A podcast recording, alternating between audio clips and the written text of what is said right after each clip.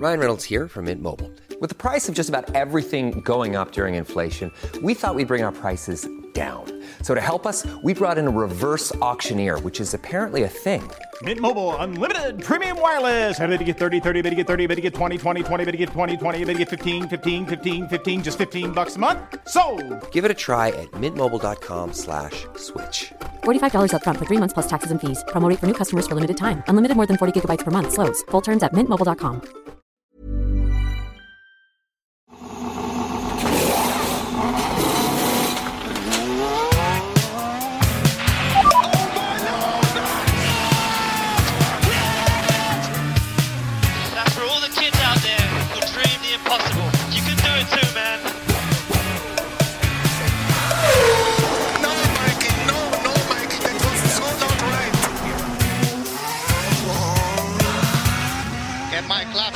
steering wheel.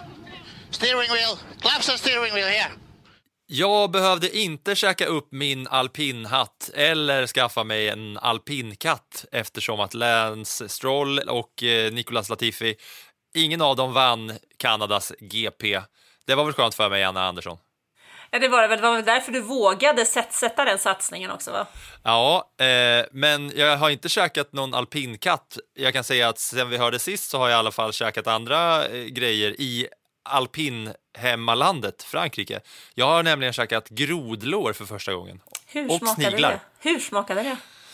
Sniglar har jag käkat förut. Ah, det är ju det är ju nice liksom. Det smakar ju som fyllningen så att säga. Om det är vitlök och persilja så är det gott och är det något annat så är det, smakar, är det där det smakar. Men grodlår var liksom nytt för mig. Jag har alltså varit i Paris en liten sväng och grodlår såg ju roligt ut när de kom i sin lilla gryta. För det var verkligen nedre delen av en groda som man såg. Man såg, såg verkligen klart och tydligt benen, låren, knävecket och sen ner till, ni vet hur de, du vet hur de är böjda om en groda sträcker ut sig Ja, jag, nerifrån hela vägen. jag vet precis eftersom jag som eh, barn tyvärr använde hagelbössa på grodor. Ja, det, innan vi går in på hagelbössan så ska jag bara säga att det var otroligt gott. Det var som fisk, fast lite godare. Det var liksom fiskkött. Fisk, fiskkött. Mm, och de har väl lite simfötter de där? Ja, och det var liksom låren. Det var, om man då eh, käkade det där så var liksom det som var inuti, det såg liksom ut som vit fisk så att säga. Ja, men du, du som är så lång, blev du mätt då? Nja, det jag, jag spädde ut med lite, eh, med lite sniglar, så det var, det var som ett litet eftermiddagssnack eh, som vi körde den eh, varma, varma, varma eftermiddagen i Paris. Det har ju varit alltså 40 grader nere i Frankrike. Ingen har missat att det har rapporterats om värmebölja hit och dit i, i södra Europa och sådär. Men det är jäkligt sjukt att jag har varit i Paris två gånger, senast 2019. Då var jag på Disneyland och den dagen så mätte Frankrike upp sin varmaste temperatur genom alla tider, 43, sen man började mäta temperatur.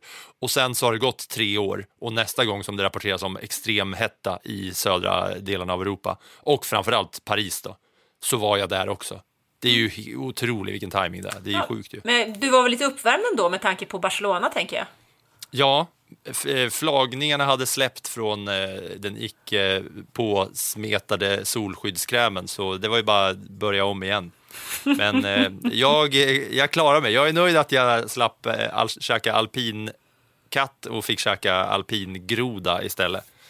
Det låter härligt. Låter härligt. Att käka groda och lite andra sådana konstiga saker får man ju tänka på en av de mer eh, påhittiga fotbollsramsorna någonsin som Manchester United-fansen hade för Jisung Park som var någonting i stil med He will shoot, he will score, he will eat your labrador, Jisung Park. Det blev ju sen lite semikontroversiellt med hela den grejen för att eh, ja, sydkoreanerna tog lite illa upp och sådär och det käkas faktiskt inte så mycket hund i Sydkorea som det kanske har gjort genom tiderna. Men det har jag inte käkat än. Jag har sträckt mig så långt till eh, grodlår än så länge. Ja, Alltså, jag har ju varit på några ställen där man inte vet vad man har käkat. Så är det också. Det gillar man ju. Om man inte är aller- allergisk mot allt som jag, men eh, det vill man ju. Så att eh, jag vet... Eh, vad var det? Ja, Peking, Paralympics 2008. Då var det ju väg där från presscentrat i fågelbot. Och man var inte alltid som man visste riktigt vad det var i den där maten som man pekade på. Så jag misstänker väl att jag slunkit ner ett och annat. För till slut var man så sjukt hungrig, för jag var gravid också. Så det var ingen bra kombo. Så då kan du ha käkat ett och annat grodlår utan att veta om det, när Jag- du trott att det var fisk. Jag vet inte riktigt. Men eh, det är inget fel på min 13-åring, så jag var 17. Ja, nej, det är bra. Ska vi ta oss till eh, Kanadas Grand Prix för att eh, prata om Formel 1 istället för lite halv-mellanudda maträtter? Definitivt. Då gör vi det. Och hur brukar vi göra det? Genom en snabbuppspolad eh, håll igång, hallo hallabaloo. Ja, den kommer nu. MGUK, ICE, PU-element, MGUH, ES, CE, Ja, det är de där bokstavskombinationerna som det snackades mest om inför Kanadas GP i Montreal. För Charles Leclerc har nu tvingats ta för många delar till sin power unit och redan innan kvalet var det alltså bestämt att Ferraris frontman skulle starta i sista startled på grund av just detta. Den andra stora snackisen från racehelgen är också utav karaktären utanför banan. För inför helgen rådde stor förvirring, förundran och förbannade ord när FIA förkunnade att det finns chans till förändring i reglementet för att få ordning på studsandet som kallas porpoising. Diskussionen är alldeles för lång för att ha i en sprintgenomgång. Mer kommer såklart om det här senare i podden. Men det hela innehåller i alla fall ett nytt Mercedesgolv, vansinne från de andra teamen och enligt Christian Horner ett spel för gallerierna och Netflix-utbrott av Toto Wolff. Allt detta alltså innan racet ens startat. Men det händer ju faktiskt grejer på banan också. I kvalet var det mest intressanta att på ett blött underlag med stora vattenpölar så lyckades Sergio Perez inte alls och sladdade av banan redan i Q2. Fernando Alonso däremot körde oerhört fint på det blöta underlaget och blev tvåa bakom Max Verstappen på pole position. Alonsos första startledsplacering sedan Tysklands GP 2012. Bienvenido tillbaka till fronten, Fernando. Själva racet vanns utan problem av totalledaren Max Verstappen som inte hade särskilt stora problem med att hålla Carlos Sainz bakom sig hela racet. Charles Leclerc körde till slut upp sig till en femteplats från sin startplats längst bak och det får väl ses som ett okej resultat för Ferrari trots allt. Lewis Hamilton var på pallen med en tredjeplats och hör och häpna, Sir Lewis var glad och belåten med sin och teamets prestation och bakom honom så tog George Russell såklart en ny topp 5-placering. Det gick som vanligt åt helvete med hela skiten för Günther och Haas-grabbarna trots ett superkval av både Mick Schumacher och Kevin Magnussen som startade femma och sexa i racet. Men på söndagen så fick Schumacher bryta och Magnussen blev introllad i depån av Fernando Alonsos trollskoleadept Esteban Ocon som på radion lurade Fia att tvinga in Magnussen i depån för en liten lös flisa på framvingen. Och direkt efter detta så satte Sergio Perez kronan på verket för sin fiaskohelg genom att svänga av banan med en krånglande växellåda. Ah, det får räcka för nu, så ja, Anna, med så mycket att kackla om, vad väljer du? Ska vi börja på eller utanför banan? Yes, jag tycker vi börjar utanför banan som hänger ihop med banan. Alltså bilderna på Sergio Perez efter kvalet. När det ser ut som han går igenom djungeln på väg tillbaks till depån. Och det, där, det fick mig att tänka på att det där är rätt roligt. Alltså vi tycker att så här, ja ja, men då får han väl ta sig tillbaka då. Men, men man inser hur långa de där banorna är och man kan ju inte korsa hur man vill och man kan ju inte ta vilket fordon tillbaks som man vill om vi tänker på hur Vettel fick göra här lite tidigare i år när han fick böta så mycket pengar. Så att det såg faktiskt rätt eh, intressant ut tyckte jag när eh, man såg bilderna på Perres omgiven av eh, grönska. Ja, det är ju en extremt lång väg. Det fick jag ta del av när vi var i Barcelona och skulle gå från ena delen av banan till den andra för att testa utsikten bara på banan. Att det är så extremt stort. Man såg det också, Yuki Sinoda körde ju av och han, eh, han gick ju också den där långa walk of shamen som likt Perres. Och då kom det ju någon funktionär med en moppe och bara så här klappade på rumpan, bara hopp upp. Och Mm, men det gjorde- Tsunoda klättrade upp på den där moppen. Men det gjorde ju inte Perez, han fick ju promenera han. Så det var ju bara Ja. gå. Du vill börja på Perez. Ja, Vad vill du börja med att jo, säga om jag, Perez? tyck- jag tycker vi kan börja där. Efter två fantastiskt bra helger så var det ju betydligt tyngre för honom den här helgen. Det var ju liksom inte bara ett bottennapp, utan någonstans så känns det som att den här eh, växellådan som nu gick sönder under racet, det startade nog redan i samband med det misstaget som han gjorde i kvalet. Och där är det just, även om nu Red Bull fortsätter att plocka viktiga poäng med Max Verstappen, så är det ju att Perez får ju faktiskt inte lov och nolla. Det är ju, det är liksom ett big no-no för den killen, för att eh, Teamet har vunnit sex race i rad, men de måste plocka poäng med båda bilarna. Och då har man inte råd på det här sättet. Så väl, egentligen så känner jag väl att det är där jag vill, vill börja den här helgen. För att det är ändå en hel del. Om man tittar på den totala listan efteråt, eller resultatlistan, så är det ju faktiskt en hel del förare som eh, misslyckades kapitalt i, och team också, i Kanada. Och Perez är ju faktiskt en av dem. Ja, det var ju hela helgen. På samma sätt som man har känt att Perez haft vind i seglen Jag tror att till och med att jag uttryckte det så förra veckan när du frågade mig, hur tror du det går i Kanada då? Och då, då sa jag att ja, men Perez, det är vind i seglen. Det känns som att han, det, han, är, han är på gång. Och så, så är det ju liksom rakt igenom, för att typ Monaco och så där, då kändes, kände man ju redan direkt, ah, Perez, det var bra det går och han kvalar ut eh, Verstappen och det ser kanon ut. Men här kändes det som att så här, redan från början var det liksom, kom han snett in på det på något sätt. Och det som händer är ju att han, han eh, kör ut och eh, tar sig inte vidare efter eh, Q2. Han tar sig till Q2 med nöd och näppe va? Och sen, eh, och sen kör han ur där och eh, får inte i backen. Det är ju så roligt att han får då instruktioner från radion som man får höra så här. Lägg i backen! Nej, men det var ju så här. Han skulle ja, upp på ettan, ner på neutral och sen ska du lägga i backen. Men det var ändå roligt att höra hur en av världens bästa eh, motorförare får instruktioner om hur han ska lägga i backen. Och så, eh, ja, det lyckades ju inte med det. Och sen så, då får han ju starta på, ja, vad fick han starta på? 14, 16 eller något sånt. Eh, och sen så kör han djur i, i racet också. Så hela helgen var ju en sån, eh, ja, motsatsen till vind i seglen. Ja, det kändes verkligen som att han var en helg i djungeln, för han var inte där han skulle vara, helt enkelt. Eh, men så tycker jag vi kan fortsätta lite med Red Bull där, för det är faktiskt så att de har ju vunnit sex lopp i rad nu. Det finns en längre streak som är nio lopp i rad, Sebastian Vettel, 2013, men nu är de verkligen, verkligen på gång och det är ju, det känns ju lite så, jag satt under racet och tänkte att alltså det här, det här är ju inte så kul. Kände jag, när, för det kände, även om, om Sainz eh, utmanade eller försökte utmana och gjorde allt han kunde så kändes det ändå som att det här var Verstappens race. Och det är så lätt att säga att ja, ja, ja det var inte så kul. Men faktum är att han gjorde ju verkligen allt han skulle på ett helt perfekt sätt utan att bli stressad. Och han har ju verkligen, verkligen vänt på den här, eh, det här mästerskapet. Verstappen, menar du? Ja, ja. Ja, ja, ja, ja absolut. Eh, och det som man känner när Verstappen är i ledning versus eh, som det var i racet, att eh, Verstappen ledde ju rätt ordentligt och sen så fick, blev det säkerhetsbil på slutet så att under de avslutande varven byggde ju upp pulsen och, och spänningen på något sätt och man tänkte ändå, ja men Sainz är där bakom med DRS, hur ska det kunna gå, ska han kunna komma om? Och man kände ändå så här om, eh, om att ja, det kanske blir en sån fight igen som vi fick se i början av säsongen när det var Leclerc mot Max. Men det har ju varit ganska dåligt med såna, såna riktiga battles mellan eh, Red Bull och, eh, men känn- och Ferrari än så länge. Men kände du verkligen jag, det? Jag kände att här kan vi få spänning. Men sen insåg jag ju att det som hände var ju att Sainz var ju där, men inte riktigt varje gång. Och sen så tänkte jag om och bara, ja men det är ju inte så att Sainz nästan kör om Max. Det är ju så att han tappar ju mot Max hela vägen och sen på raksträckan där man tänker att han skulle kunna köra om han hade en chans. Det är bara där han tar in det där gapet igen. På de där sista sju eller tio varven, eller vad det nu var. Det var väl sista tio som var spännande. Ja, Jag tyckte det kändes mest som en så här konstgjord eh, spänning alla amerikansk liksom. Att vi ska, Ja, ha jag. vi ska ha någonting här för att det ska bli. För någonstans tyckte jag att, att alltihopa, eller en stor del dog när Ferrari bestämde sig för att de skulle byta motor på Charles Leclerc, så vi fick honom längst bak. Och när han dessutom fastnade på väg fram så kändes det som att det var tvärdött. Alltså det fanns liksom ingen som kunde utmana Verstappen, så som jag kände när jag satt och eh, lajvade där uppe, så kände jag att jag håller på här med lite konstgjord andning. Jag önskar att det hade kunnat vara bättre än vad det faktiskt var. Ja, det, så eh, går det ju att se på det också såklart. Alltså, att Leclerc startade sist tyckte jag inte förstörde stämningen helt och hållet för att man har Lewis Hamilton i Brasilien förra säsongen ganska färskt i minnet.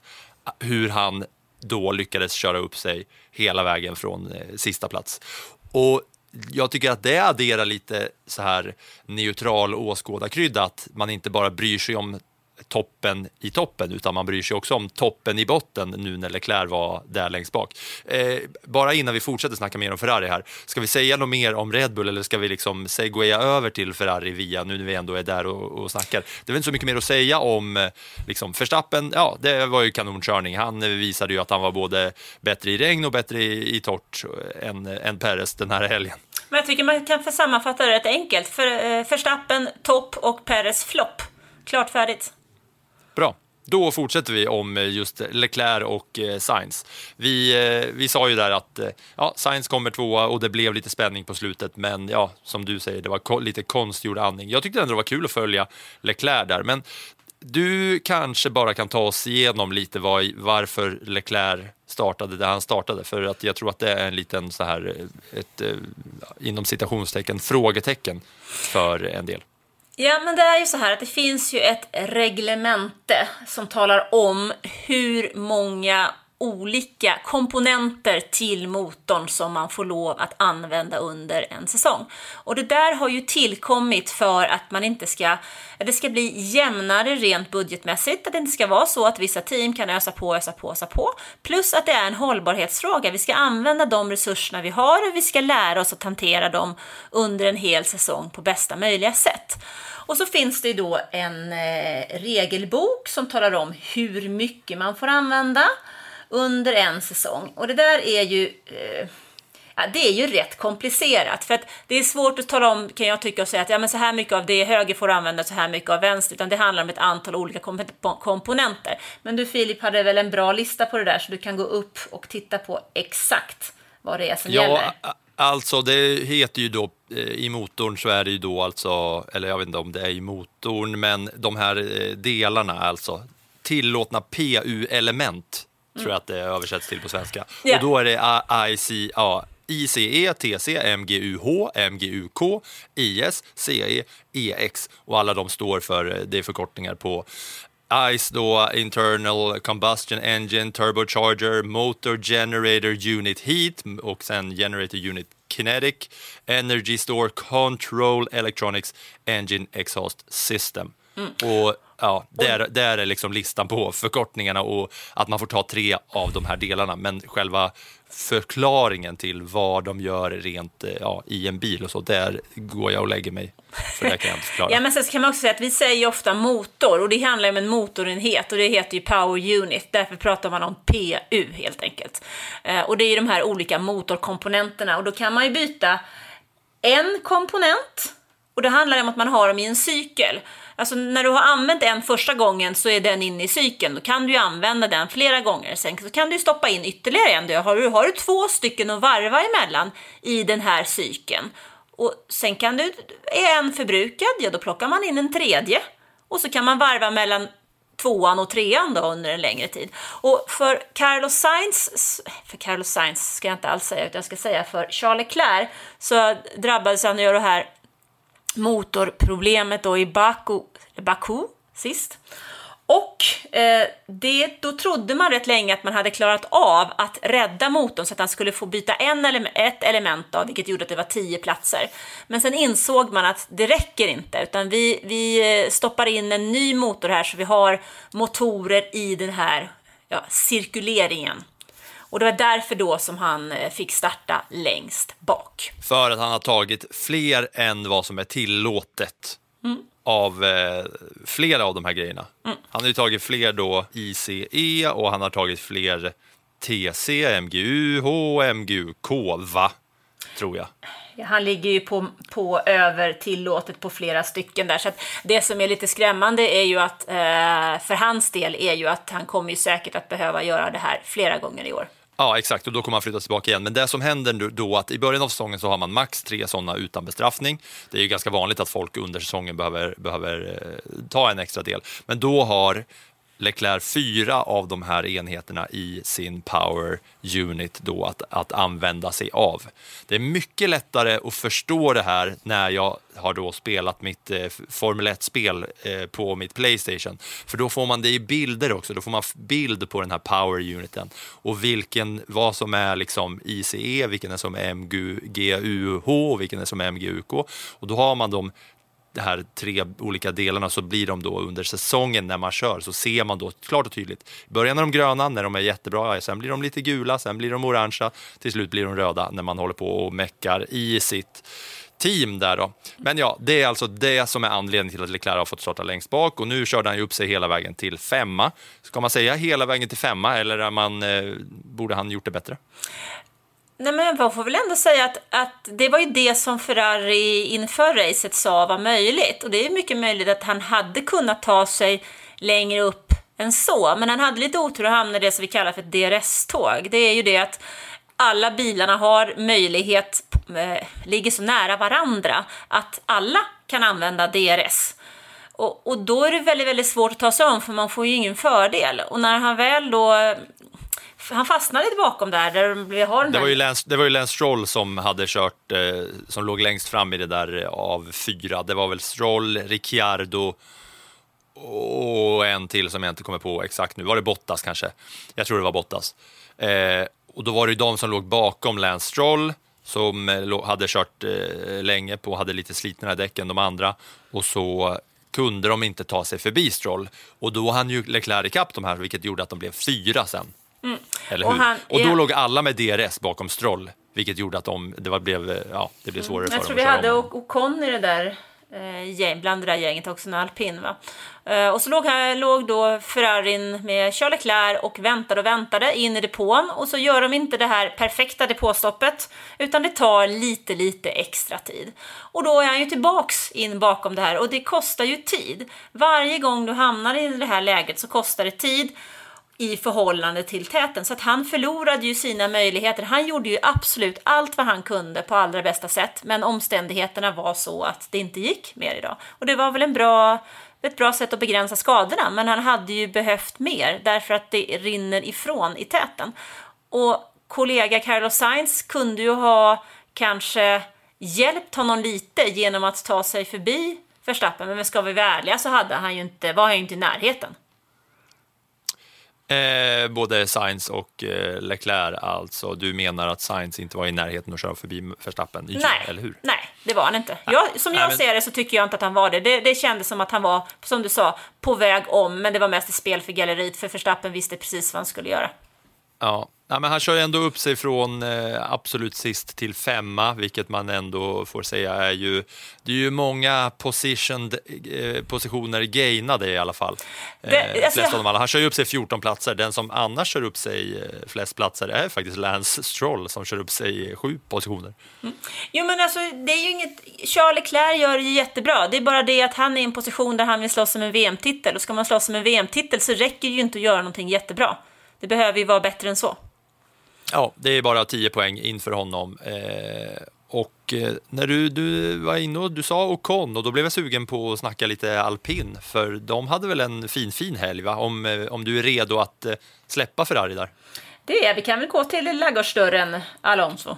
Ja, laggårdsdörren Alonso. Fin fina Alonso som eh, gör ett eh, dunderkval i regnet. Ja, alltså han var tillbaks upp i första startled för första gången på typ tio år. Han var ju så lycklig så han liksom gick fel sen när han skulle på presskonferensen. Han hade inte koll Det var på... exakt det var tio år sedan. Tysk, Tysklands Grand Prix eh, 2012. Ja, Då var han i det. första startled. Ja, och det var... Presskonferensen sa du? Ja, jo, men han gick ju fel efteråt när han, skulle, när han skulle snacka. Han har inte varit med på tag, så att, eh, i toppen på tag, så han har inte riktigt koll på var han skulle gå. Och det var lite Vi- roligt. Ja, men det är kul att en så pass stor och mm, den bevisligen med mest Formel 1-erfarenhet genom alla tider, att det har gått så lång tid för honom sen han hade första startled, att han just som du säger glömmer bort den där grejen. Mm. Ja, sen så är det lite kul tycker jag också att det, det visar också att det går att komma tillbaka. Nu var det ju extrema omständigheter under lördagen. Det var blött, det var regn. Men vi såg ju på träning tre, om vi går tillbaka lite, att Alpin med Alonso var bra med, Sebastian Vettel, Aston Martin var bra med, men vad gör Aston Martin? Jo, de gör bort sig och har inte koll på däcktrycket. Vad gör Alonso? Jo då, han kör in i första startled. Så att det visar ju ändå någonting att han inte bara eh, har koll på sig själv, han har också koll på sitt team. Mm. Och sen så, eh, ja, det, eh, när racet startar sen då så startar han bredvid Max Verstappen och lamporna slocknar på det snabbaste sättet som de någonsin gjort, eller? Och, och det gynnar ju inte gamlingens eh, reaktionsförmåga utan det gynnar den yngre Max Verstappen. För det, det som eh, sker är att lamporna tänds och nästan i samma sekund som femte lampan tänds så är, den, så är det borta. Ja, men han är väl så lycklig över att sitta där så han tittar väl till höger och vänster och allt på andra, alla, alla andra ställen. Hej till publiken! Och sen så, Han ska ja, ta nej. in, ta in stunden. ja, vem vet när han hamnar där igen.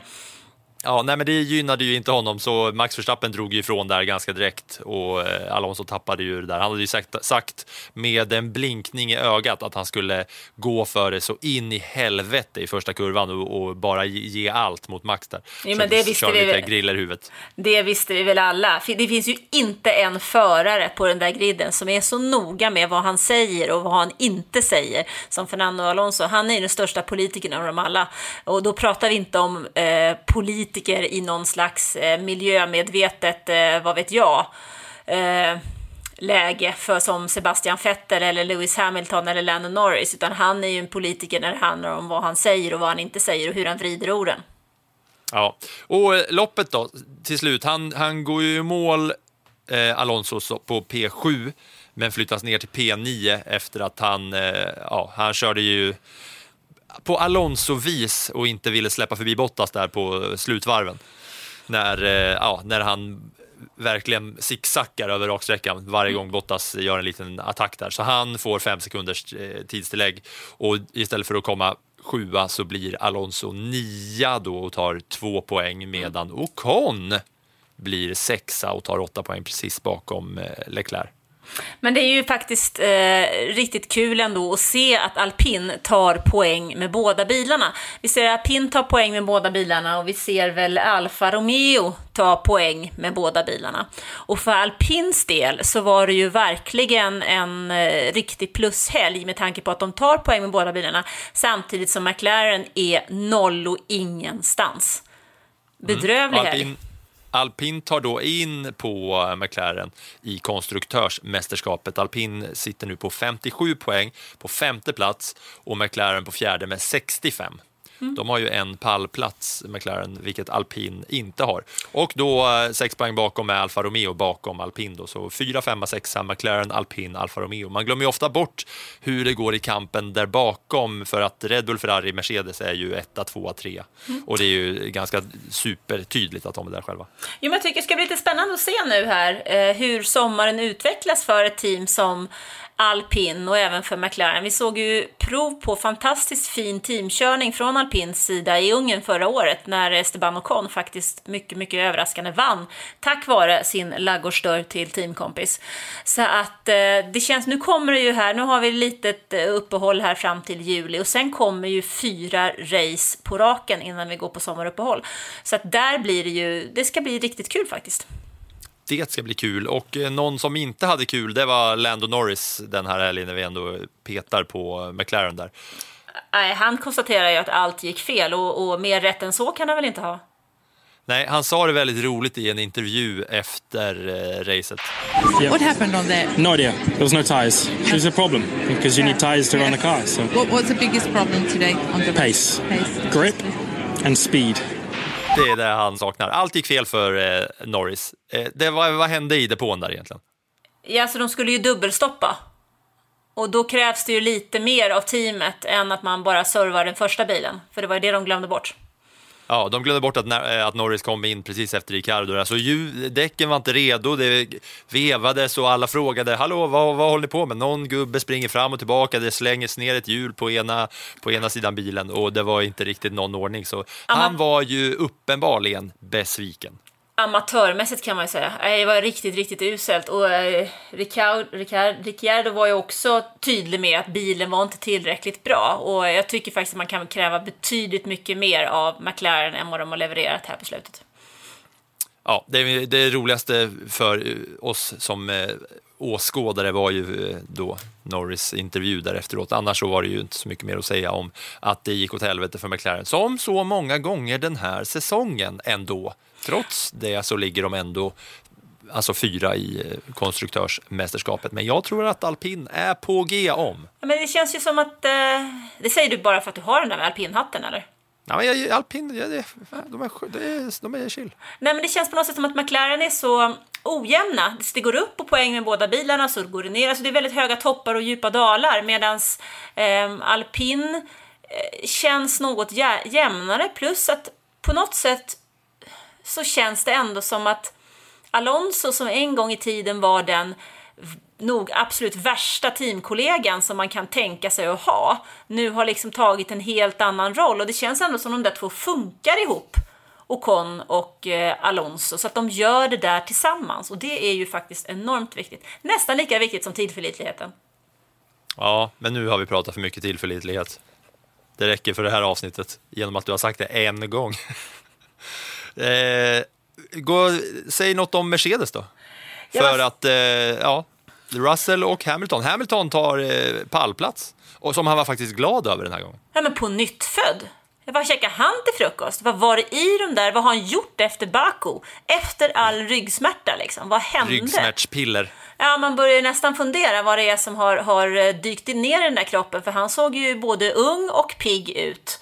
Eh, Och glad efteråt. ja, bara en sån sak. Mm, det kändes ganska sällsynt. En Hamilton på tredje plats som var glad över det.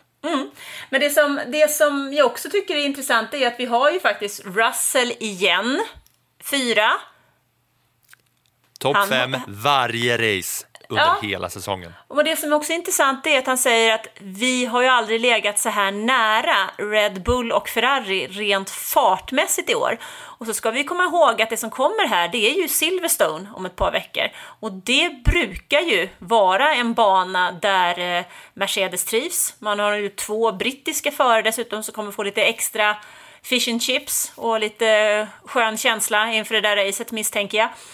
Så att, eh, och även om det är nya bilar, vi har ju ingen aning om hur de här typen av bilarna funkar på Silverstone, men det känns ändå som att de har lite, ja, de är lite på gång här alltså. De kommer närmare och närmare. Sen är frågan om hur nära de kommer till slut. Det får vi veta efteråt.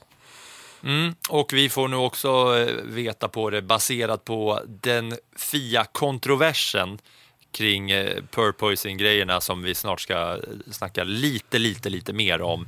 Men eh, om vi bara tar en sista punkt ifrån racet då. Ska man känna någon sympati för Haas-förarna eller? Ja, det tycker jag faktiskt. Alltså, eh, Mick Schumacher och Kevin Magnussen gör ju ett fantastiskt kval. Alltså, otroligt bra kval där de har tredje startled. Och sen så blir det inte bättre än att eh, Magnussen får byta nos och får problem med framvingen efter bara något varv och då är hans... Det var, ju, det, var ju mer än, det var ju mer än så. Det var ju, han slog ihop där i början med Hamilton och sen så trollade ju alpin FIA. Alltså när, när de på radion öppet gick, radion, alpinradion till Ocon var ja du har eh, Magnusen framför dig men han har lite problem med sin vinge. Och Ocon bara ja very dangerous, FIA borde kolla på det här. Och det gör de ju och ger då eh, Magnusen eh, direktiv att han måste gå in och byta sin framvinge. Medan, medan sen efter då, ja, då, går, då går Magnusen in för att byta den där vingen för att Ocon har liksom skämtat på radion. Det sa han efteråt till Magnusen att ja, men, ja, jag drev ju bara. Och då måste Magnusen gå in och byta den där vingen trots att det inte är någon fara. Bilen går bra, allt funkar fint. Det var mycket mindre skada än till exempel vad Hamilton hade i eh, Monaco och någon, något, gång, något race förra året också. Det var inte så mycket skada, men då tvingas han in där för att eh, alpin har kommunicerat på radion. Och precis då när han går in, då eh, kör Perez av och det blir säkerhetsbil så eh, allt skiter sig för Magnusen där. Mm, fullständigt. Men vem, vem, sa vi var kollega till eh, Ocon? Fernando Atrolololonso. Och vad är han världsmästare på? Han har lärt Ocon det ena och det andra om trolleri. Det är kul. Jag säger det, de är, de är lite sköna alpin. Ja, precis. Jag fattar, fattar, fattar. Så att, men jag, och sen så känner jag lite, jag måste säga att jag känner lite för eh, Schumi 3 här alltså. Va? Sånt bra kval, bästa någonsin. Och så får han bara parkera bilen liksom. Uh, och det är ju lite oroligt, tycker jag, att vi återigen pratar om ett motorproblem. PU issue för en bil som kör med en motor från Ferrari. Det låter icke riktigt bra alltså. Nej, nu lämnar vi racet om du inte har någonting som eh, mer att säga där om eh, vad som eh, hände under Jo, men jag har faktiskt en sak till som jag eh, började fundera över i morse. Och det är den här gröna gurkan som kör omkring där ute alltså. Och, och någonstans så är det ändå så här att vi har, vi, det är Kanadas GP, det är Lawrence Stroll, Aston Martin. Han har lagt in sjuka pengar på det här teamet. Han har eh, köpt en massa aktier som bara har rasat i värde. Hans kompis Toto Wolf köpte ju också aktier I den här, eh, på samma ställe rasar de också. I den här, eh, eh vad heter det, gatubilsdelen av eh, eh Aston Martin.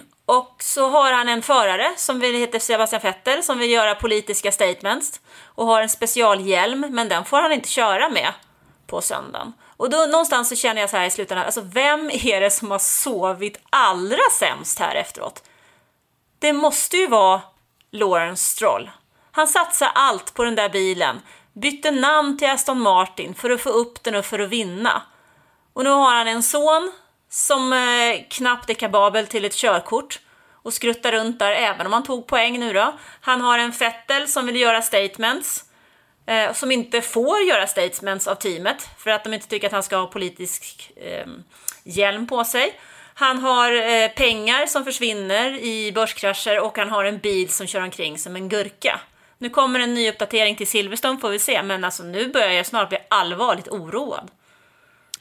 Det känns inte som att det är särskilt mycket team spirit i det där och att de är särskilt eh, bra polare, så att säga, om man eh, jämför liksom eh, Alonso och Con som ändå kör lite för varandra, Leclerc, Sainz, bra polare, Perez vet vad han ska göra. Alltså det känns ju som att eh, kompabiliteten mellan Vettel och Stroll och kemin däremellan, rent om de ska sitta och käka middag, det är ju inte så mycket att de har saker att, att snacka om där. Liksom. Nej, men det känns inte Lance att... Stroll har ju inte ens hört talas om att det finns något som heter klimatkris. Han har ju aldrig hört talas om att det, att det är något som hotar jorden.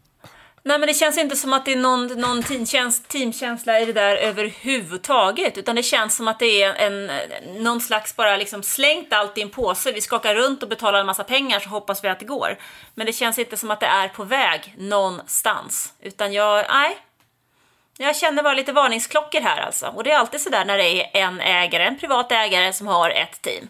Och sen vet vi, har ju pratats om att eh, Audi vill köpa det där teamet, men det senaste jag hörde smumlas om var att man inte kanske är så intresserad av det där ändå, för det går inte riktigt så bra, så att man kanske vänder sina blickar åt ett annat håll istället. Jag har några snabbisar bara innan vi lämnar det race-relaterade på banan för annat, dina plus bland annat. Yuki Tsunoda i väggen direkt efter depå-exit. Fy fan vad klantigt. Det kunde jag inte ha sagt bättre själv. Han körde alltså ut ur depån, hade gått på hårda däck och hade ingen koll på eh, att han behövde köra lugnt, behövde köra lugnt där första varvet efter bytet till hårda. Så eh, i depå-exit så då köttar han in i muren och får bryta. Det var ju bara hans egna fel ju. Annan eh, liten punkt här som jag tyckte var intressant att ta upp det är att i Q3 efter kvalet så är det en Red Bull-bil bara, en Ferrari bara, men två Haas, två Alpin, två Mercedes. Det var ju uppfriskande och ganska en, en ny känsla den här säsongen. Sainz har nu fler podium än Leclerc den här säsongen. Han är tvåa bakom Verstappen i antal podium. Ja, det är ju faktiskt eh, beklämmande, höll jag på att säga. Ja, men det, det, kan man, det kan man inte tro efter med tanke på hur det har gått för Sainz och att man har liksom pratat om han, att han inte pallar trycket och att det har gått åt helvete för honom. Men ja, han är nu delad tvåa med Perez på flest podium. Verstappen har sju, Perez har fem och eh, Leclerc, han har bara fyra podium. Eh, och sen att Hamilton har varit bakom sin lagkamrat, alltså sin teamkompis, det här, alltså efter nio race, bara två gånger i karriären. Det är nu och så är det 2016 när han förlorade hela skiten mot eh, Nico Rosberg. Det är också anmärkningsvärt tycker jag, att annars har han alltid efter nio race varit den bästa av eh, de två i det teamet han har kört för. Och sen det sista jag vill säga det är om Max Verstappen. Att nu har han tagit sig förbi Jim Clark och Niki Lauda i all time wins. Så nu är han på nionde plats med 26 vinster. Hamilton är ju etta på den, mest GP-vinster genom alla tider. Hamilton har ju 103, Schumacher har ju 91. Ja, sen är det ju Vettel och Prost och Senna och Alonso och, och, och Stewart. Men sen kommer eh, Verstappen där på 26, tar sig förbi Niki Lauda ändå. Mm. Men det är ju ändå så att även om du plussar ihop eh, Verstappen eh, eh, och Clark och Niki Lauda så kommer de inte upp till Hamilton i alla fall. Det är en bit kvar, men som ni alla vet som har lyssnat på vårt silly season och kontraktsavsnitt så har ju Max Verstappen ett oerhört långt kontrakt så han kan puttra på där för att ta sig upp på listan. En seger till och han är delad med Jackie Stewart. Okej, nu får vi höra dina plus från helgen. Då börjar vi med Haas. Jag vill ändå ge dem ett plus. Därför att eh, kval är kval, race är race. Och det är fortfarande så att vi inte har någon bil på poängplats och det börjar faktiskt att eh, bli lite viktigt för det här teamet och plocka in poäng. Och det som också är oroande det är ju att den där motorn som Mick Schumacher då har problem med tillhör Ferrari. 2 plus, ja. Poäng för Joe, Joe som gjorde ett riktigt bra kval och ett riktigt bra race. Poäng för Bottas som hade lite tur, men det ska man väl ha ibland. Ja, och eh, kinesen har ju faktiskt sett fin ut, men han har ju haft eh, motorhaveri på motorhaveri, på bilhaveri, på eh, ja, all typ av haveri som man kan tänka sig. Så det var kul att han fick köra i mål och man fick se att han faktiskt kör rätt bra. Och Ja, de är, Alfa Romeo har haft det ganska tungt, så absolut godkänt här. Ja, klart godkänt. godkänt. Det känns som att eh, Bottas får någonting att bita i där framöver faktiskt. Mer än godkänt då, 3 plus. Alpin. För att eh, även om Alonso nu drog på sig en bestraffning så slutade båda bilarna på poängplats samtidigt som McLaren blev utan. Så att vår vän Ottmar Schnafshauer, vad kan han begära mer än detta? Ja, han skulle väl kunna begärt att eh, Alonso hade bara släppt Bottas och han hade tappat en position istället för två där på slutet med den där fem sekunders bestraffningen. Det är väl det enda. Då kanske det hade blivit fyra plus. Då kanske det blir 4 plus, men de hamnar nu istället hos Mercedes. Plats 3 och plats 4. Visserligen så behövde de ju inte slåss mot varken Perez eller Leclerc. Så de Eller var- varandra. eller varandra. Nej, men det gör de väl aldrig. Eh, Så att de blev ju av med två bilar där, men det är ändå den bil som sett till ren fart ligger som trea den här helgen. Och Mercedes gör ju, oavsett vad man säger, så kan man, och man tycker om Mercedes, så gör de ju i alla fall max av varje möjlighet de får. Och sen Och fem. fem plus Max Verstappen. Det kan kännas lite trist kanske att välja honom, men han vann, han leder med VM med 49 poäng. Det är alltså nästan två race-segrar. Och man kan ju inte säga annat än att han verkligen har vänt på förhållandena, hur de såg ut under inledningen av säsongen, när han faktiskt låg under med 46 poäng. Och då har vi bara motorstoppet kvar. Och det lägger jag faktiskt hos Ferrari. Jag vet att Carlos Sainz var tvåa, men hans uppgift i det här racet var ju faktiskt att se till att Max Verstappen inte tog full pott. Nu snodde han visserligen det snabbaste varvet, men han klarade inte av att ta sig förbi Verstappen och det hade han faktiskt behövt. Och sen behövde Leclerc byta hela sin PU och han kommer behöva göra fler byten i år. Haas, problem med PUn. Det där bådar inte gott alltså. Ferrari måste hitta en lösning så att vi får koll på det där ordet som jag inte ska säga fler gånger idag. Du har redan sagt det en gång, det räcker för idag. Vi lämnar Annas plus och tar oss vidare till ett nytt ämne.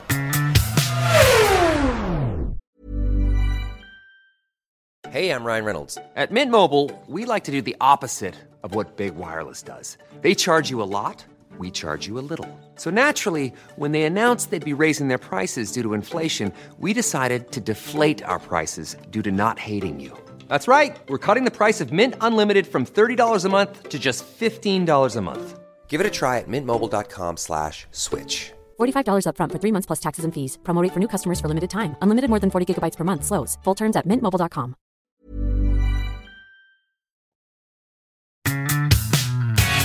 Ja, jag kan liksom faktiskt inte låta bli att tänka på den här eh, Charles Leclerc. Va?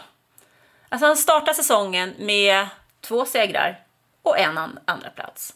Och efter Australiens GP så hade han ett försprång på 46 poäng på Max Verstappen. Men därefter, vad hände egentligen? Nu ligger han ju efter med 49 poäng. Så jag tänker vad vi skulle kika lite på vad det faktiskt är som har hänt. Ja, det funkade bra i Miami. Då gick, var han tvåa. Det var väl okej ändå.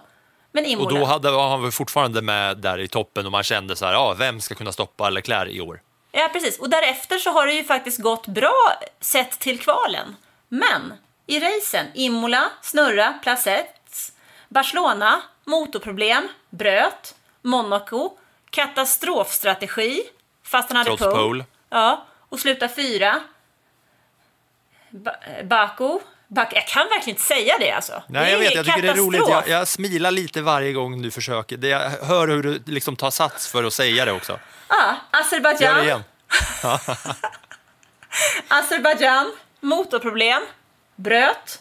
Kanada, motorbyte. Och även om man tar sig från plats 19 till plats 5 så räcker det ju inte. Och plötsligt, swops, som ett trollslag, efter med 49 poäng. Och det gör att eh, den ställningen i eh, förar-VM är Verstappen, Perez, Leclerc, trea visserligen, men det är alltså 175 poäng på Verstappen, 129 på Perez, 126 på Leclerc. Och sen är det Russell på 111 och Carlos Sainz Junior på 102. Det är topp 5. Mm. Ja, och nu tittar vi liksom framåt här. Vi har Silverstone, det brukar funka bra för eh, eh Mercedes. Vi kommer till Ungern. Vi kommer till Frankrike. Vi kommer till Österrike. Nu, har jag, nu var jag slarvig på ordningen där mellan eh, racen. för det är Silverstone alla först och förstår det är att det är vad som kommer. Ja. Men det är de som kommer. Och när vi tittar på då Österrike och Frankrike så är det ju race där vi faktiskt brukar ha Verstappen högt upp. Så det är några väldigt, väldigt viktiga race här för Ferrari om de överhuvudtaget ska ha någonting med det här mästerskapet att göra. Och framförallt viktigt för Leclerc eftersom att han är deras frontrunner. Men man tänker ju också så här, de kör ju samma bil, Leclerc och eh, Sainz. Och nu har Leclerc tvingats till det här, med, eh, de här reliability-problemen. Du vill Är inte ens inte bara säga en- ordet alltså? Rel, nej, nej, jag säger det på mitt sätt. Reliability-problemen blir det. Det ska bara vara med en gång det här avsnittet. Nu, är- nu har du sagt det en gång, nu är det sagt. Ja, det jag vill, dit jag ville komma är att är det inte bara en tidsfråga innan Sainz sitter i samma båt? Och båda Ferrari-bilarna står där längst bak i start för att de har tvingats ta nya motor, motordelar. Ja, nu hoppas vi väl att, att eh, Leclerc ska klara sig ett tag med tanke på att han, vi vill ha en fight i toppen. Men hur, hur vi än vrider och vänder på det så är det det här problemet med eh, det Zuverlässigkeit. Så måste vi, eh, som, som vi måste lösa. Ja, vi får väl se hur de löser det här. Jag är ju orolig för hur det ska gå för eh, båda två, för jag tror ju att i och med att det här händer Leclerc så tror jag faktiskt att vi snart ser Sainz i samma läge eftersom att eh, det är samma eh, komponenter så att säga i båda deras motorer. Så tar Leclercs motor slut efter si och så många gånger så gör ju Sainz det till slut också tänker jag. Det är väl inte omöjligt. Men du, nu kan vi väl flytta oss vidare va? Jag vill Ja. ha en jättebra förklaring på det här problemen med porpoising, bouncing, skutteriet och, och, och tumlandet. Ja, om du vill ha en jättebra förklaring, då tror jag att du ska få vända dig någon annanstans. Men om du ska få en förklaring där jag gör mitt absolut bästa för att förklara vad som har egentligen hänt i den här stora kontroversen då med, med Fia och Eh, alla de här teamen och bilarna studsande och hoppande och eh, Lewis Hamiltons klagande och Mercedes protester och så vidare och så vidare. Inför den här helgen så var det ju mycket snack om just det här porpoising-prylen som har hängt med hela säsongen och nu har det ju pratats om att Fia faktiskt ska göra något åt det. Det är ju så här att alla är ju oroade över förarnas hälsa. De är liksom överens, teamen, om att det är en bra idé att hjälpa förarna med det här för att eh, ja, det skadar ju dem i, i långa loppet och det är risk för ja, hälsan och så vidare. Så inför den här racehelgen i Kanada så meddelar Fia att under den här helgen så kommer ni få möjlighet att stärka upp det här golvet och göra det stiffare för att kunna undvika studsandet. Jag vet inte rent tekniskt hur det är, eh, men man såg ju då efter att det här beskedet kom så blev ju alla teamen ganska så här, ja men de blev lite frågande till det och hur ska vi hinna det när det beskedet kommer bara precis så här tätt in på själva racehelgen börjar. Men det slutar med att inför träning två så dyker Mercedes upp med en eh, ny lösning på, på sitt golv där för att stiffa upp golvet. Och de andra teamen är ju lite chockade över att hur kan Mercedes så fort ha fått till ett nytt golv medan alla andra team säger att det är helt omöjligt på den, på den här korta tiden. Men det är, som, eh, det är det som händer. Och många hävdar ju att de här, de här protesterna och det här öppna klagomålsklageriet eh, klageriet från Mercedes är ju för att de ska kunna vinna fördelar på att det är de som har störst purposing-problem. Och man ser ju det när man följer med i Lewis Hamilton och i Russells bil att man hör ju hur den där skrapar i backen. Och det här ändras sen då till att det är ett technical directive, eller det sägs att det är ett tekniskt direktiv och ingen regeländring då, det här med, med golvet. Eh, och det sker ju stor förvirring och många pratar om att det här gynnar bara Mercedes och på lördagen då så är det storbråk mellan eh, teamcheferna som har ett, eh, som har ett stormöte där eh, Christian Horner berättar att, eh, att Toto Wolf har varit super, super... Eh, ja, teatralisk och dramatisk och klagat och skrikit och vrålat.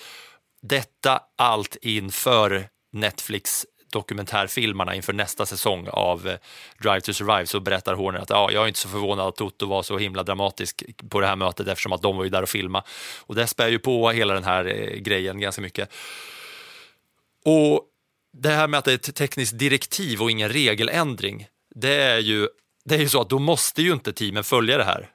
Det är ju bara en, eh, det är ju som sagt, det är ju bara ett direktiv att de kan eh, stärka upp det här golvet så som Mercedes då testade. Då fick de ingen ordning på det här att eh, liksom stiffa upp bilen på den delen som gör att det, liksom, att det guppar, i, guppar i den. De får ingen ordning på det, så till träning tre så kommer de ut med det gamla vanliga golvet. Och sen när kvalet ska börja så kommer Fia med, med med beskedet att de har under helgen och ska under helgen mäta och få en universell siffra som de kan mäta på hur mycket en bil får tumla, vilket ska leda till att teamen då, istället för att alla ska få eh, ha stiffare golv, så blir det upp till teamen själva att se till att deras bil inte tumlar. De, de ska ha en mätpunkt då som säger att så här mycket får bilen tumla, men den får inte tumla mer, då kommer man bestraffas. Och det då i slutändan, från att alla har gått och tänkt att ja, det här kommer ju bara gynna Mercedes, att vi ska ändra, att vi ska ändra golvet för att de har så stora problem med sitt eh, purpoising, så ändras det då, istället för att det som det pratades om, att man skulle höja då alla golv si och så många millimeter, vilket är mycket i, i F1-mått mätt, så ändrar de till att teamen själva har ett ansvar att bilen inte ska tumla för annars så får man bestraffning. Mm. Vilket gör att det här kommer ju right back, you, right back at you, Mercedes. Mm. Nej, Hänger men, du med eller? Ja, hyfsat. Men jag, ty jag tycker jag med. med, med en kort och enkel förklaring är ju att Fia flyttar eh, beslutet från sig själva till teamen så att de själva ska slippa vara del av en konflikt um, och ta det avgörande beslutet här. Så att jag vet inte riktigt vad jag ska tycka om det. känns som en sån här typisk mellanmjölkslösning. Det hade ju kunnat vara i Sverige. Ja, men det som, det som är intressant är ju att de först kommer med ett besked som alla tycker, oj, det låter som att ni bara ska hjälpa Mercedes här, till att det vänds och ändras till att nu straffar de Mercedes här för att de vill inte ställa sig i allt för dålig dager i det offentliga. Vänt det, är ju, det är ju intressant. Ja, absolut. Men vänta någon vecka så kommer det, vara, kommer det ha svängt sju varv till i den där snurran och två veckor så är det ännu lite mer. Ja, en del av det här var ju att, det var, att, att hela kontroversen var ju att det kom med så kort besked att de inte hade någon tid på sig alls och att Mercedes då dök upp sen ganska snabbt och det enda teamet som hade hunnit fixa det här utav, eh, av någon anledning. Men nu så, nu så ska det få eh, skjutas upp till Silverstone. Mm. Ja, jag hoppas att någon förstod mer än det jag själv satt och berättade här för att det är ju snurrigt men det är också viktigt för hela fortsatta säsongen. Ja, och framförallt så är det viktigt till nästa år att de får en lösning som är kommer att fungera så vi slipper allt förbannat tjafs. För ibland så är det som en, ursäkta uttrycket, men jäkla hönsgård. Vi lämnar den jäkla hönsgården för att hålla koll på våran supersvensk Dino Beganovic i Svenskkollen.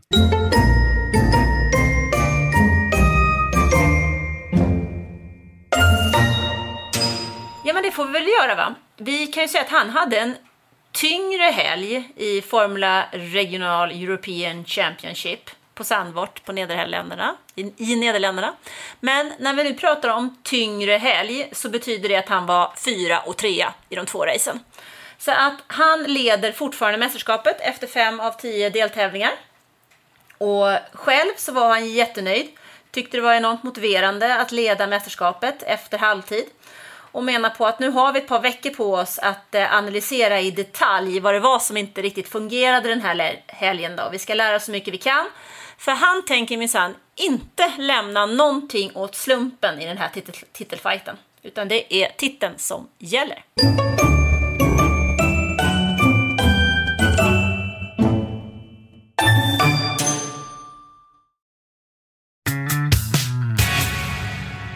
Är det till den sista delen av det här avsnittet och det är något som vi har skjutit upp vecka efter vecka på grund av att det har hänt så mycket annat. Men nu, idag, är det dags för Backspegeln och det är dags för Anna att berätta om Lella Lombardi.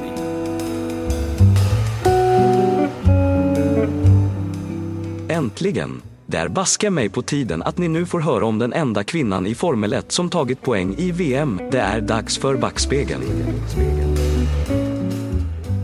Ja, italienskan Maria Grazia Lombardi, eller Lella Lombardi, föddes 1941.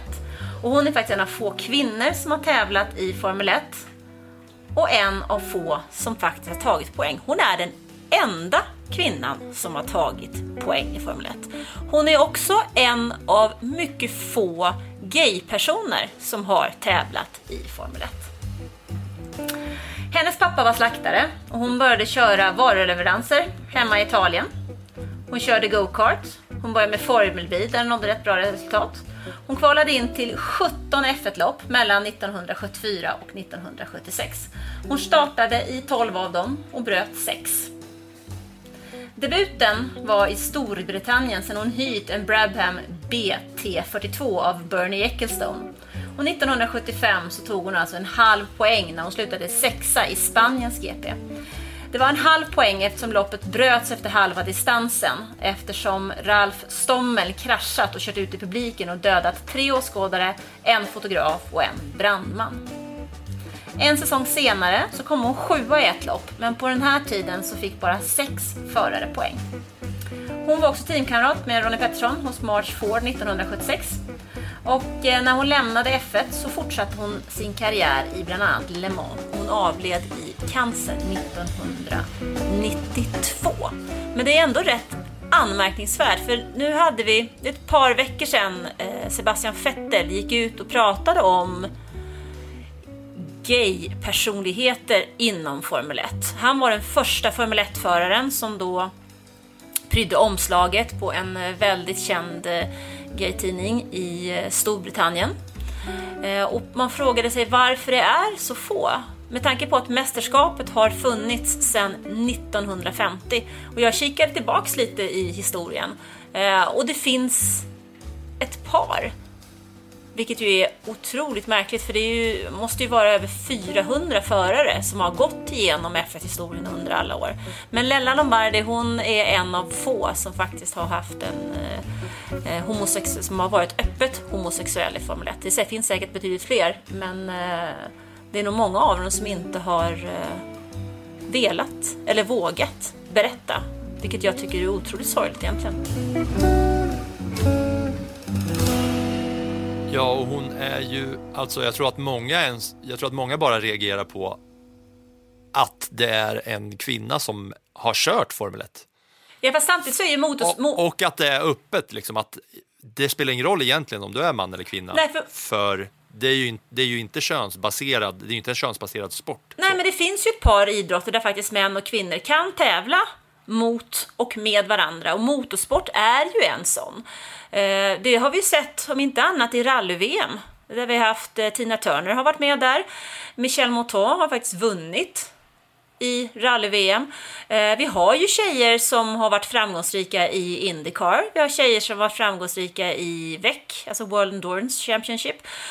Och det finns ju väldigt många tjejer eh, som är på väg upp, men det är väldigt, väldigt få som når hela vägen till Formel 1. Idag så finns det faktiskt två stycken kvinnliga förare i Ferraris eh, förarakademi och FIA gör en satsning på, på, på att få upp fler tjejer. Är det inte, finns det inte kvinnor som kör eh, Indycar? Jo, Tatiana Calderon eh, kör Indycar nu. Vi har ju också Simona de Silvestro. Hon kör inte hel säsong, utan hon kör ju med det här eh, kvinnoteamet, om man får kalla det så. Beth Peretta har ju en satsning där man vill ha ett helt kvinnligt team. I fjol körde de Indy 500 med ett helt kvinnligt team, alltså där det var tjejer på alla positioner i teamet för att främja eh, kvinnor som vill jobba inom motorsporten och då inte nödvändigtvis eh, som racerförare utan även som mekaniker, designers, ja, alla möjliga po- poster. Det har ju skett en stor förändring även inom Formel 1. Det är ju väldigt många kvinnor som jobbar inom sporten idag, även om vi just nu inte har några kvinnliga teamchefer. Men det har vi haft både i Sauber med Monisha Kaltenborn och i Williams, med Claire Williams. Man hade ju velat bo i staden som Lella Lombardi körde sina, sin farsas slaktade delar när hon körde varuleveranser. Att se då henne, jag kan bara se det som en, liksom, en tecknad eh, eller en, en Wes Anderson stop motion animerad film hur Lella Lombardi åker runt i den där byn. Man har den lite 2D och bara ser den där bilen åka runt i den där, i den där byn hur mycket snabbare som helst än alla andra och bara leverera kött till allt och alla som hennes farsa har slaktat. Det hade varit en, det hade varit en, bra, en bra liten syn. Absolut, definitivt. Vilken eh, fin eh, och bra berättelse du levererar till oss där, Anna, i eh, det vi kallar backspegeln. Eh, ja, eh, nästa gång det blir backspegeln så kommer det vara ett annat ämne och det kommer vi dra när det väl blir dags. Nu är det ju racefritt nästa vecka och eh, eller i den här helgen som kommer, men nästa vecka så har vi ju ett Silverstone-race att snacka upp först och sen är det som du säger fyra racehelger i rad väl? Yes, fram tills dess Ja. att det blir augusti månad, för då blir det lite paus. Och då kommer det bli lite specialavsnitt kanske och lite sånt, eh, det ena och det andra, kanske lite specialbackspeglar och eh, annat dylikt. Det får ni höra när ni hänger med oss in i framtiden med Plattan i mattan. Med allt det här sagt så tar vi och säger tack för att eh, alla ni har lyssnat. va? Nu gör vi någonting annat av den här dagen. Vad väntar för dig, Anna? Ja, jag tittar ut genom fönstret och ser att det vräker ner och inser att jag ska alldeles strax köra min dotter till en eh, fysträning utomhus. Oj, oj, oj. Så att vi får väl en eh, härlig måndagkväll. Blöt lär det bli i alla fall.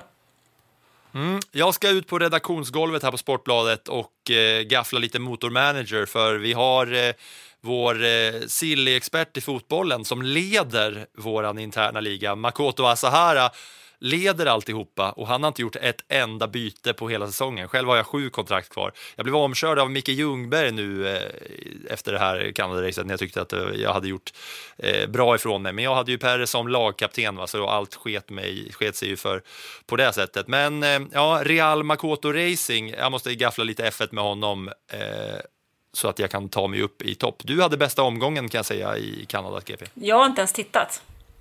Nej, men eh, nu behöver du inte göra det heller för jag berättar för dig hur det går. Så bra. Sitt, eh, sitt lugnt i båten är taktiken. Jag själv ska fingra på lite byten och så vidare. Tack för idag allihopa. Vi hörs om en vecka. Hej, hej.